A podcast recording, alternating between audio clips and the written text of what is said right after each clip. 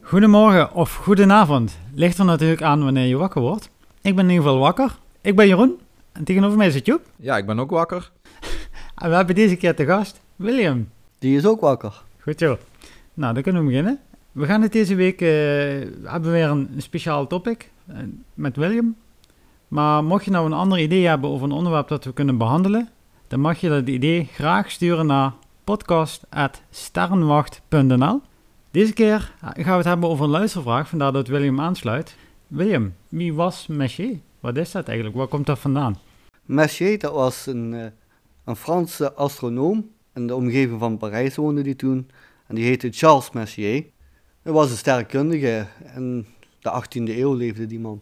Oké, en die heeft een soort van Messier-lijst opgesteld, als ik het goed begrijp. Ja. Wat, wat is dat voor een lijst? Een Messier-lijst is een eh, lijst van 110 hemelse objecten die goed waarneembaar zijn, al met een middelgrote telescoop. Oké, Vroeger hadden ze nog, ja, ze hadden volgens mij wel al grotere telescopen, maar Messier had een hele kleine telescoop, of niet?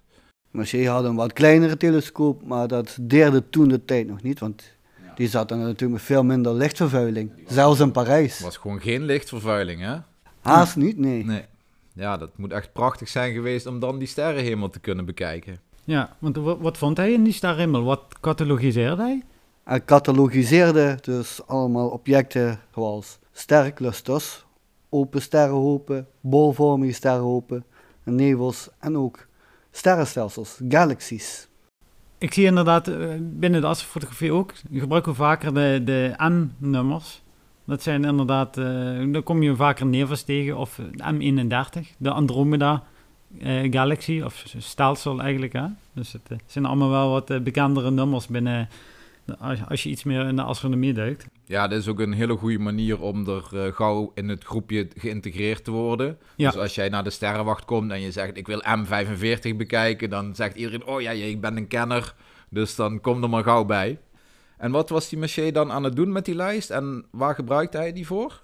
Nou, hij gebruikte die eigenlijk om dit soort objecten juist te ontwijken. Want Charles Messier, die was toen de tijd vooral geïnteresseerd in kometen. Hij was een kometenjager. Hij was constant op zoek naar kometen om ze te vinden, te ontdekken, te volgen. En om te zien of er ook niet kometen bij zaten die gevaarlijk dicht richting de aarde toe zouden komen. Was men daar bang voor dan in die tijd? Daar zijn ze altijd wel bang voor. Nou, vandaag de dag staan er nog honderden telescopen die dagelijks Ja. en kijken zijn of er niet iets hard deze kant op komt vliegen. Konden ze dat toen waarnemen, dat verschil met die nauwkeurigheid? Ik weet niet hoe ver ze toen al ontwikkeld waren met die berekeningen van die banen. Ja, tuurlijk. Dat doen ze al, al lang voordat de telescoop was uitgevonden, konden ze al kometen waarnemen. met het blote oog al. Dus dat was zeker ook van toen die de tijd. Of die tijd toen. En ehm, tijdens die zoektocht naar kometen stuitte die Charles Messier dus ook op andere objecten, zoals sterrenclusters en nevels en galaxies.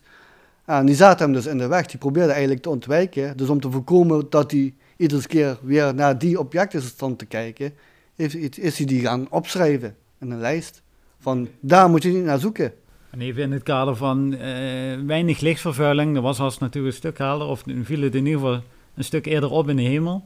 Juist. Dus ik kan me voorstellen inderdaad dat je van die hoopjes ziet, dat, van, die, van die vlekjes van sterren, Mhm. Wat dan inderdaad lijkt misschien op een staart van een komeet of zo. Inderdaad. Ja, Ja, het is wel even belangrijk om te noteren. Een komeet die nog ver weg is, die heeft nog geen staart die wij kunnen zien. Hè? Dus die staart die ontstaat pas op het moment dat die komeet langs en na de zon en langs ons trekt. Eh, op het moment dat je hem ver weg ziet, dan zie je eigenlijk gewoon een, een kerntje met een pluisje eromheen. ja. Dus daarom zou je inderdaad kunnen zeggen, nou, je bent die hemel aan het afspeuren naar die pluisjes. En dan vind je een heel klein sterrenhoopje, wat ook een klein pluisje lijkt. Ja, en dan kun je die makkelijk door elkaar gooien. Maar op het moment dat je een hele grote staart ziet, ja, dan eh, is het wel duidelijk dat het een komeet is Mhm. natuurlijk. En welke objecten staan er dan op die lijst nu? Nou, die lijst bestaat voornamelijk uit eh, open sterrenhopen, bolvormige sterrenhopen, nevels, met name in, eh emissienevels, sterrenstelsels en nog enkele andere objecten, zoals planetaire nevels, maar dat zijn er maar een paar. Dat zijn er vier stuks maar. Oké. En kun je misschien ook even kort uitleggen wat die vier type objecten zijn? Nou, open sterrenhopen, dat zijn dus een groep sterren. Die zijn dus ongeveer in dezelfde tijd geboren uit een gas-stofwolk. Die sterren waren langzaam uit elkaar. En zoals onze zon ook ooit deel is geweest van zo'n open sterrenhoop, die is uitgewaaid en nu is de zon een hele op zichzelf staande ster. Die hoort niet meer bij een groep. Dus een open sterrenhoop, ja, wat de naam al aanwijst, die kan ook variëren van vorm. In tegenstelling tot bolvormige sterrenhopen, dat zijn vaak dus een hele grote groep sterren die in een, een bolvorm bij elkaar gehouden wordt door onderlinge zwaartekracht. En die zijn ook vaak wat kleiner in een telescoop. hè? En open sterrenhoop is vaak wat losser, Ja, waar je makkelijk individuele sterren kunt tellen. ja. En bij een bolhoop, eh, dan zijn het er zoveel, dan is dat niet Honderdduizenden, te doen. Ja. honderdduizenden zijn dat. En even voor de geïnteresseerden, hè, zo'n open sterrenhoop. Nou, we hebben het over Messier. Eh, wat zijn interessante nummers van open sterrenhopen? Voor degenen die eh, dat willen opzoeken. Ah, een mooi voorbeeld is eh, M45. Dat is eh, de Pleiade. Die is in de winter zichtbaar. Die staat in de sterrenbeeld de stier. Dat is een hele mooie. Dat is eigenlijk een, eh, een mini-versie van de steelpan, hè? Ja. Kun je het eh, mee vergelijken, Ja. ja. En- We hebben natuurlijk de voerman, daar staan ook eh, drie open clustertjes Ja, in. Dus eh, M36, 37 en 38 die staan in de voerman. En in Kreeft vinden we de bijenkorfcluster M44. Dat is ja, ook een van mijn favorieten. Die vind ik heel mooi. En daar staat ook nog M67, ietsje Die- onder. Die staat wat lager, ja, Ja. maar die is wat minder spectaculair. Nou, van bolvormige sterrenhopen, daar hebben we natuurlijk als pronkstuk M13 in Hercules. Die is met een middelgrote telescoop al goed te zien. En naarmate dat je ook dieper op inzoomt, kun je ook die sterren een beetje oplossen. Dat is echt een hele mooie. Maar niet met de blote oog zichtbaar dus. Niet met de blote oog zichtbaar. Nee, Niet meer. Vroeger. Nee, in heel vroeger tijden is dat schijnbaar wel mogelijk geweest, maar nu kunnen we dat redelijk vergeten. Oké William, en je had het net over open sterrenhopen en bolvormige sterrenhopen. Mhm. Zijn er ook... Ja, in de wintertijd, dus dit is een hele mooie maand om te, bijvoorbeeld te kijken naar de Orionnevel in de sterrenbeeld Orion. Ja, dat is echt nummer één pronkstuk voor emissienevels om naar te kijken. Welk M-nummer heeft die? M42. M42. Die hebben we nog niet behandeld hè, in, de- in de podcast. Nee, nou ja, heel vaak, maar voor de kenner staat er ook een klein bolletje naast M43. En die vergeet eigenlijk iedereen. Dus als je naar de Orionnevel kijkt, dan zie je eigenlijk M42 en er staat ook nog een M43 naast.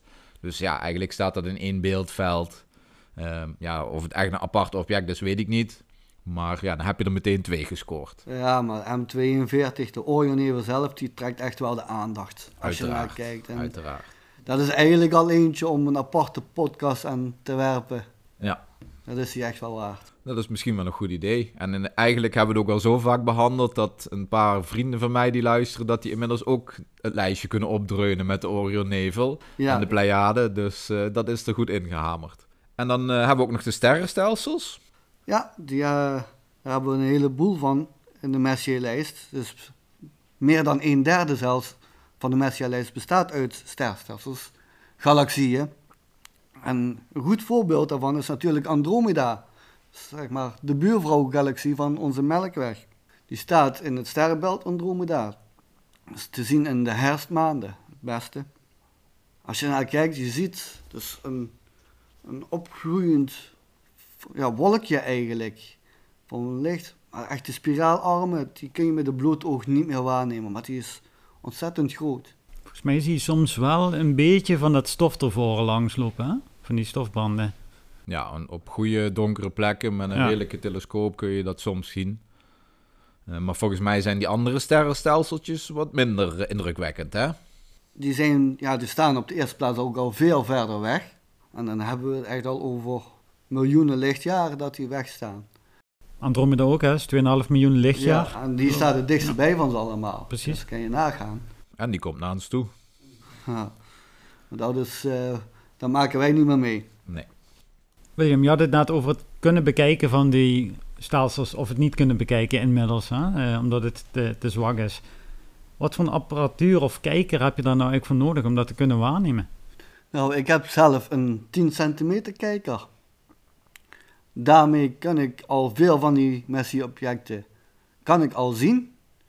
Maar om echt details uit die objecten goed te kunnen zien, ja, dan heb je toch een grotere kijker nodig. Dan begint het eigenlijk leuk te worden vanaf een 20 centimeter.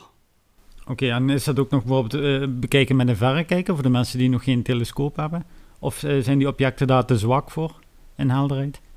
Een aantal Messi-objecten kun je inderdaad al met een verrekijker zien, maar niet allemaal. Echte moeilijke Messi-objecten, ja, die zul je met een verrekijker niet meer kunnen waarnemen. Nee, een aantal kun je met een klein zoekertje. Sommige mensen hebben ook een zoeker op een telescoop. Hè, die is dan 5 centimeter in doorsnee. Nou, als je een verrekijker hebt, heb je ook vaak een verrekijker met 5 centimeter objectief. En dan kun je, als je weet waar je moet kijken en ook kunt herkennen van oké, dat is een object, een, een vaag grijs pluisje, kun je een aantal moeilijkere objecten ook al zien. Maar je gaat er echt geen details in zien met een verrekijker. Dus uh, met uitzondering van de grote objecten, zoals bijvoorbeeld M44, de Beehive in de Kreeft of de Pleiade. Ja, die zie je heel duidelijk en die zijn eigenlijk ook voor een verrekijker beter geschikt vanwege de grootte.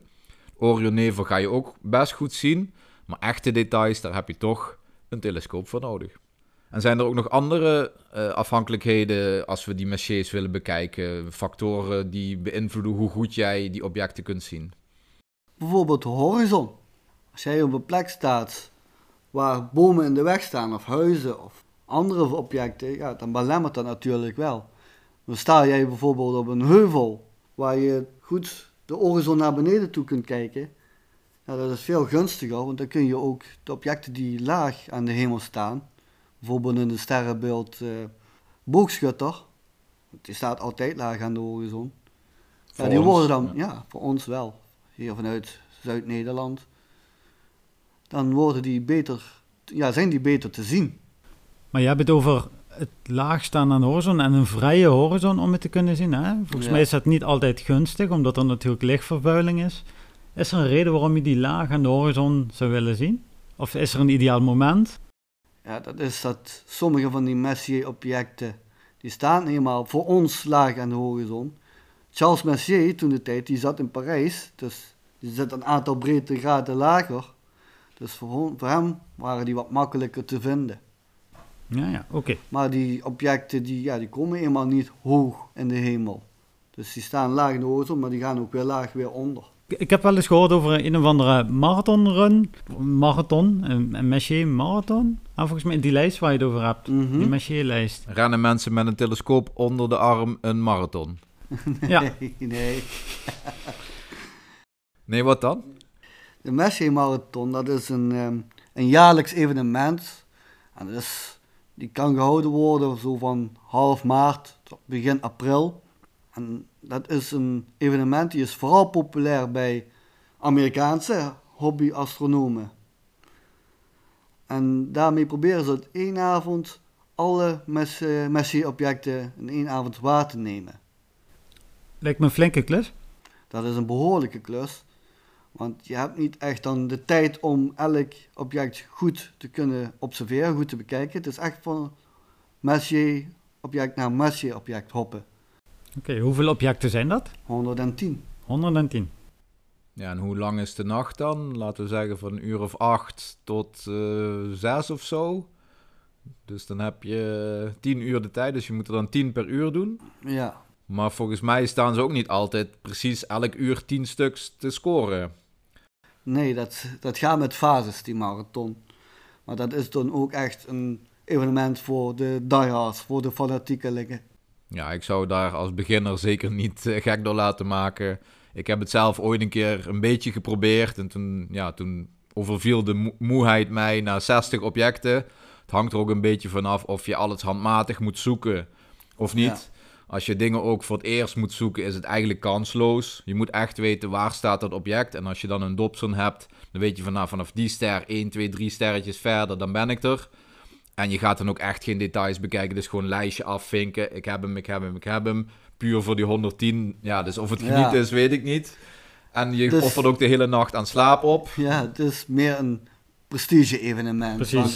Ja. ik heb het gedaan. Het is me Ja. gelukt. Dus laten we even voor de duidelijkheid zeggen: de meeste mensen doen er minimaal een jaar en vaak meerdere jaren over om die Messier-lijst überhaupt af te werken. Ja, ervaring is wel een pre. Ja. En dat is denk ik ook het leuke, dat je met de hobby, met de seizoenen, die Messier-lijst langzaam gaat verkennen. Hè? Dus je kunt niet alles in één keer zien in de rest van het jaar. Dus dan zie je in één maand zie je die objecten, in een andere maand komen nieuwe objecten aan de hemel, zoals nu ook met de kreeft, die komt er nu weer aan. Ja, en die ga je dan voor het eerst zien en dat is ook juist een hele leuke ervaring. Ja. Wanneer zijn die objecten eigenlijk het best zichtbaar? De meeste Messier-objecten kun je zien in de lente, in het voorjaar. Maar dat zijn vooral sterrenstelsels. Ruim een derde van alle Messier-objecten zijn de sterrenstelsels. En de lente is eigenlijk Galaxy Season, wordt dat genoemd. Er staan eigenlijk de meeste eh, sterrenstelsels die we kunnen waarnemen een beetje bij elkaar. Betrekkelijk bij elkaar. Heeft dat een reden dat op die plek meer stelsels staan? Of is het puur en alleen dat, dan, Dat, dat we van ons eigen stelsel afkijken? precies dat dat. we de diepte in krijgen? Precies dat. Ja. Dan zitten we net in de periode dat we juist van de melkweg wegkijken. Ja. En dan zijn er eigenlijk vrijwel alleen maar andere sterrenstelsels te zien. En in die periode zien we dus ook minder sterrenhopen. Ja, we moeten wel eventjes nog een, een kleine kanttekening maken hier. Eh, die cluster van galaxieën die in de Virgo, dus in de maagd staan, eh, dat zijn ook best grote galaxieën. En die maken eigenlijk uit, of onderdeel uit van een grote groep van Mhm. galaxieën. En die staan voor ons relatief dichtbij. En ze zijn vrij groot. Hè. De- Denk maar aan M87, waar dat gigantische zwarte gat gefotografeerd is. Ja, dat is echt duizend, misschien nog wel meer keer groter dan onze galaxie. Dus die cluster met veel galaxieën, ja, die zijn relatief helder. En op het moment dat je dus dat eh, sterrenbeeld kunt zien, ja, dan zie je daar een stuk of tien ga- galaxieën bij elkaar. In één keer. Ja. Precies, omdat die gewoon onderdeel maken van een cluster. Hè? Dus wij bewegen uiteindelijk ook richting dat cluster. Maar ja, dat gaat heel, heel lang duren. Maar wij maken er eigenlijk ook onderdeel van uit. Maar dat is dus het Virgo-cluster. Ja. Er staat dus in het sterrenbeeld maagd. Ja, maagd, helaas, staat ook vrij laag aan de horizon. Ja. Die komt niet echt hoog in de sterrenhemel. Dus het is een beetje ongunstig wat dat betreft. Dus eigenlijk dat filament van dat cosmic wapen, geloof ik. we dan, precies. eh, ja. En toevallig zijn dat buren van ons. Ja, En daarom zijn die ja, door Messier goed ontdekt. En als we het dan hebben over de lijst van Messier, heeft, heeft hij ook dingen gemist dan, William? Nou, gemist wil ik niet zeggen. Er zijn wel objecten die hij niet in zijn lijst heeft opgenomen. Die er eigenlijk wel in een thuishouden kunnen horen. Vandaag de dag. Als objecten, als populaire objecten. Maar vermoedelijk heeft Charles Messier die toen de tijd bewust niet in zijn lijst opgenomen. Omdat hij toen al zag van oké, dat zijn geen kometen. Dat is duidelijk. En een voorbeelden daarvan zijn de Double Cluster, Perseus. Of de Uilcluster in Cassiopeia. En er zijn er nog wel een x-aantal leuke objecten te, op te noemen, waar wij graag naar kijken, maar die Charles Messier toen niet in zijn lijst heeft opgenomen. Ja, dus je hebt enerzijds dat hij kometen was aan het zoeken. En hij wou dan objecten die op kometen lijken voorkomen. Dus die heeft hij opgenomen in zijn lijst. Ja, En anderzijds was het ook niet zo dat toen pas sterrenkunde is begonnen. Dus ze kenden de hemel ook al best goed. En een aantal objecten waren al bekend. En ja, die ga je dan niet nog een keer op een lijst zetten. eh, terwijl die misschien al op een andere lijst bekend was. juist. Dus hoe, het feit dat we nu die lijst gebruiken als hele mooie, vrij heldere objecten voor de beginners. Ja, dat was niet het doel van Messier toen. Het is eigenlijk zo'n pop-hitlijst van hemelse objecten. Ja. Oké, eh, ik denk dat we ook al de seizoenen hebben besproken. Ehm, zijn er ook nog andere lijsten, anders dan Messier, die in de sterrenkunde gebruikt worden, William? Tuurlijk, er is ook een eh, NGC-lijst, die staat voor New General Catalog. En die is eh, opgesteld ongeveer een 100 jaar na de lijst van eh, Charles Messier. En dat is een hele uitgebreide lijst met objecten, want er staan niet alleen de Messier-objecten in, maar eigenlijk vrijwel alle hemelse objecten die bekend zijn. Dus die lijst die loopt echt uit naar richting de 8000 objecten.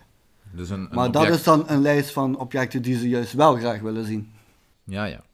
Dus een, een object kan meerdere catalogi eh, hebben. Ja, juist. onderdeel uitmaken van Ja, meerdere. precies, ja. dat bedoel Ja. ik. En die NGC-catalogus, is dat, zijn dat ook eh, stelsels, buurstelsels, of is dat alleen binnen ons eigen sterrenstelsel? Dat is een vrij integrale lijst. Dus ook buiten ons, onze melkweg. Oké. Ja, en natuurlijk de zuidelijke hemel die Monsieur niet kon zien fysiek, Ja, wij ook die niet. zit daar in de NGC-catalogus ook bij. Ja, er zijn natuurlijk ook nog andere catalogi, maar dan zijn die objecten echt veel zwakker. Je hebt de IC-catalogus vooral voor nevels. Ja, daar weet Jeroen misschien wat meer van. Je hebt natuurlijk ook de UGC voor eh, Galaxy-catalogus. En nog een PGC. Nou ja, het wordt dan heel erg complex. In de praktijk gebruiken wij dat niet. Dat is echt voor de beroepsmatige astronomie. Ik denk als je een beetje door Stellarium heen klikt, dan kun je daar een beetje kennis mee maken. Hè? Ja, dus als je die termen ziet, nou, dat is niks raars. Het is gewoon een andere catalogus eh, waar een object in staat. Oké, dus eigenlijk eh, begin je met waarnemen. Dan kun je de Messier-catalogus goed bij de hand houden om je een beetje wegwijs te maken en te coördineren, lijkt me. En dan eh, NGC is een mooie vervolgstap, denk ik. Als je wat meer gaat eh, fotograferen bijvoorbeeld, of echt Dat is wat meer inderdaad al de next level. Ja. Ik had eigenlijk nog een vraag, William. Als we nu kijken naar de toppers uit de lijst, wat zou jij dan zeggen? Dit zijn echte toppers. De toppers, dat is ja, natuurlijk de Orion-nevel. Oké, hebben we hem weer? Oh, ja, ja. Welk Ja, nummer dus was het ook weer? Eh, iets met 42. hè? 2M42, ja. klopt. Ja, de Pleiade, M45, die komen terug. Van- M44 ja. is een van mijn favorieten. De M13, de Hercules cluster. Dat is dus die bolvormige ster. Die staat eh, met de bolhoop eigenlijk op nummer 1. De meest spectaculaire van allemaal. Aan het noordelijk halfrond. Want dat is dan wel typisch met bolhopen. Die is de spectaculairste. Er zijn er nog een paar andere die ook nog leuk zijn. Maar als je dan die kleinere gaat opzoeken, dan krijg je al snel iets van: oké, leuk. Maar dat is niet zo mooi als die andere. Dus dan heb je met die bolhopen, die gaan dan veel op elkaar lijken. Dus dan loop je ook vaak de kans dat je denkt van oké, die ga ik niet nog een keer opzoeken. En de ringnevel, dat vind ik zelf ook een heel leuk object. Is wel vrij klein, Maar het staat vrij laag, geloof ik altijd, hè? of niet? Nee, die staat hoog. nee, die staat in het sterrenbeeld Lier en dat is eh, vrij hoog aan de hemel zichtbaar. Het hangt natuurlijk van het seizoen af. Nu staat hij relatief laag in de avond. Het is eigenlijk een zomerobject. Hè? Ja, Ik ben in de war met Iris-nevel, geloof ik. oké, ja, dat is geen visueel object helaas. Nee, die is voor de fotografie. We kunnen alleen maar raden hoe men dat soort foto's had kunnen duiden in die tijden, denk ik. Dan waren ze van hun stoelen afgevallen. Oké, nou dat is dan het onderwerp Monsieur. Dankjewel, William. Graag gedaan. Zie je graag nog een keer terug? Ja, laat maar eh, van je horen. Ik kom graag nog een keer terug. Oké, goed om te horen.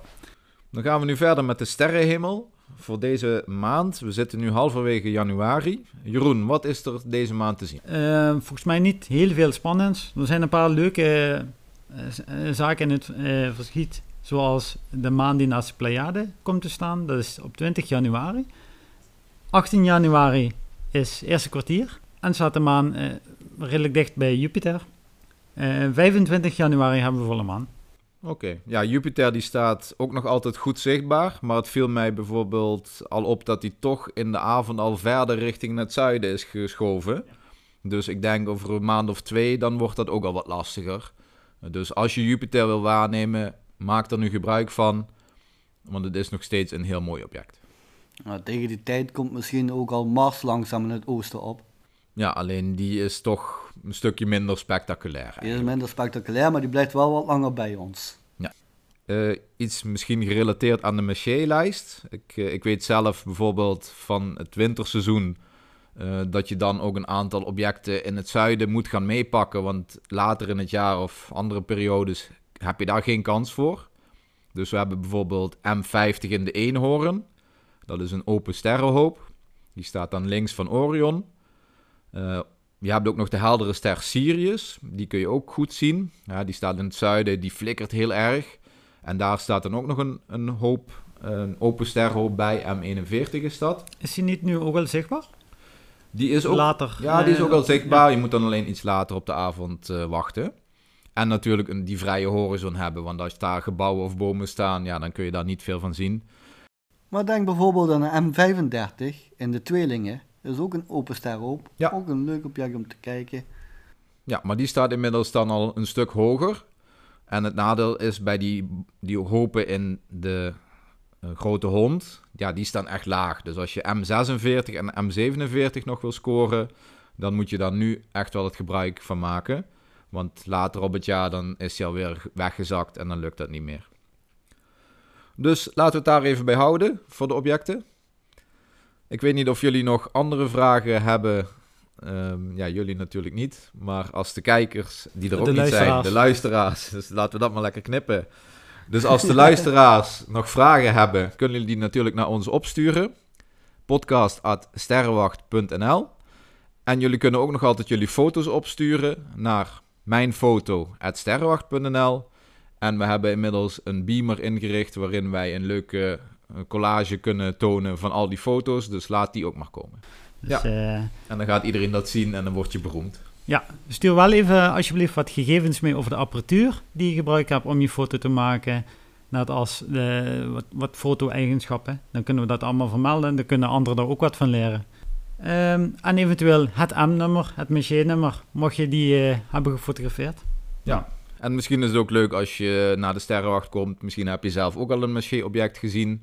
Of heb je andere vragen over Messier-objecten. Dan kun je die natuurlijk aan een van de vrijwilligers stellen. Oké, Joep. Eh, William, bedankt voor het eh, aanschuiven wederom. We zien je graag nog een keer terug. Tot de volgende keer. Clear skies. Clear skies. Hoi. Hoi.